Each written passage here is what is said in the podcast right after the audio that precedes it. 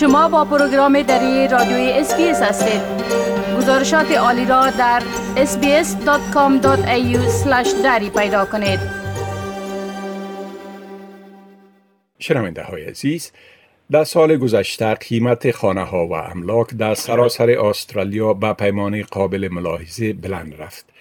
حال آقای مسیح نشید مدیر عامل نهاد معاملات املاک زید Real Estate در ایالت ویکتوریا را باز هم با خود داریم تا درباره میزان افزایش قیمت خانه ها در سال گذشته و وضعیت کنونی بازار املاک معلومات ارائه کنند و همچنان بگویند که درباره چگونگی قیمت منازل در آینده چی پیش بینی های میشه. آقای نشید سلام و سال نوتان مبارک.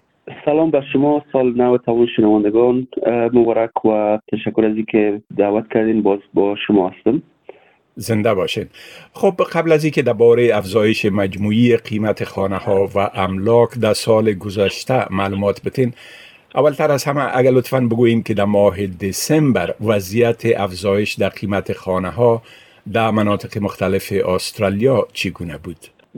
آقای که در مجموع بسط استرالیا به سطح مملکت یک فیصد قیمت املاک افزایش پیدا کرد البته این افزایش زیادتر در بیرون مراکز شهرها بوده که دو دو فیصد بود و مراکز شهرها در مجموع شش فیصد افزایش پیدا کرد شهرهای ملبورن سیدنی و پرت و همچنان داروین بسیار کم افزایش پیدا کرد که در کمتر از 0.5 فیصد بودن مگر افزایش بیشتر در شهر ادلید و برزبن بود که 2.9 و 2.6 فیصد بود. شهر اوبورد یک فیصد افزایش پیدا کرد قیمت املاک و کارگرا تقریبا یک فیصد افزایش پیدا کرد.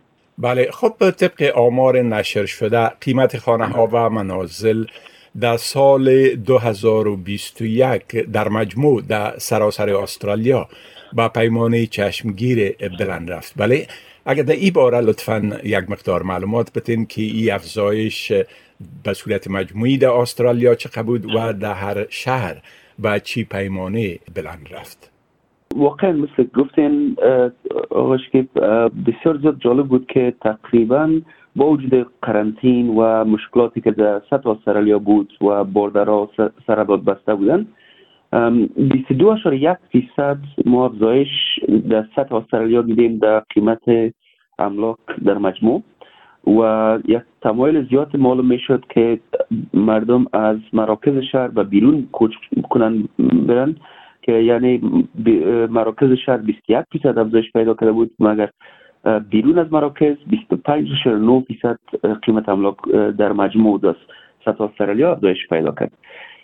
اگر به هر ایالت بریم شهر سیدنی رو مثلا 25.3 فیصد در سال 2021 افزایش پیدا کرد. ملبورن 15 فیصد برزبن 27.4 فیصد.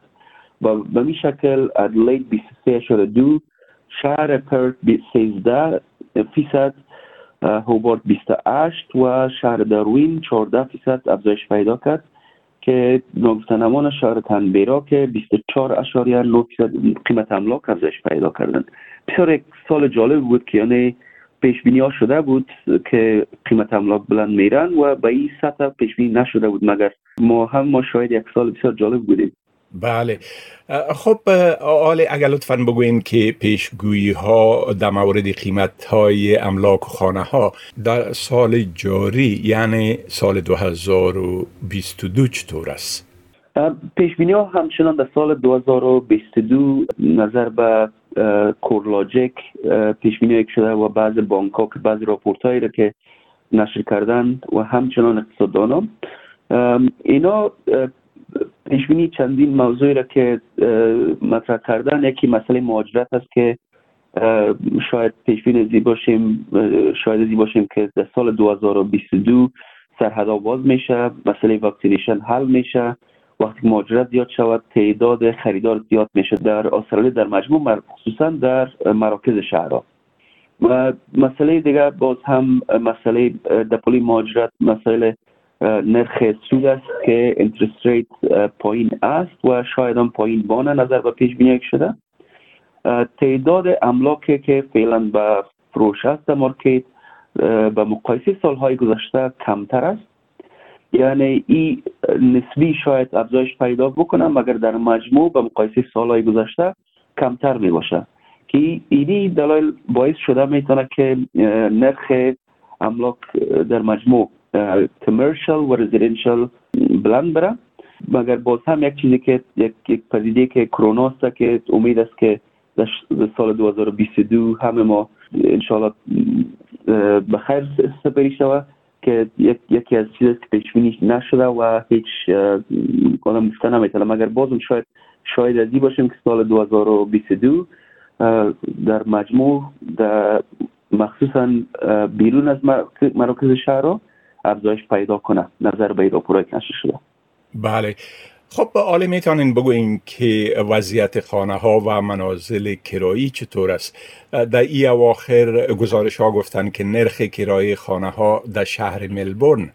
نسبت به همه شهرهای بزرگ دیگه استرالیا نرخ کرای خانه ها پایین تر است. بله؟ بله واقعا در شهر ملبورن در سال 2021 و مقایسه سال 2022 8 درصد قیمت یونتا تاون هاوس ها در بخش کرایه پایین آمد. و در برعکس در شهر داروین فرض مثال اگر مثال بدیم بلندترین افزایش پیدا کرد 22 اشاریه 3 درصد دیگه به این شکل یعنی در مجموع در مراکز اگر شهر سیدنی برزبن ادلید ببینیم یا پرتا در مراکز قیمت اپارتمان های و یونت ها نظر به کاهشی که در قسمت مهاجرت آمده قیمت ها هم پایین آمده.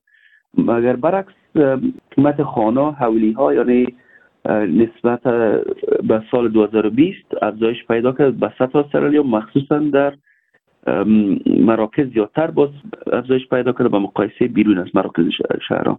بله یعنی نرخ کرایه خانه هایی که حولی دارن از اونا بلند رفته ولی نرخ آپارتمان ها و تاون هاوس ها و یونت ها پایین تر شده. بله؟ بله دقیق گفتیم بله. خب آقای مسیح نشید مدیر عامل نهاد معاملات املاک زید ریال استیت از شما تشکر می کنم که درباره وضعیت بازار مسکن و املاک معلومات دادین. و برتان موفقیت می خواهیم مهربان هستیم تشکر از وقت شما. بپسندید شریک سازید و نظر دهید. اسپیس دری را در فیسبوک تعقیب کنید.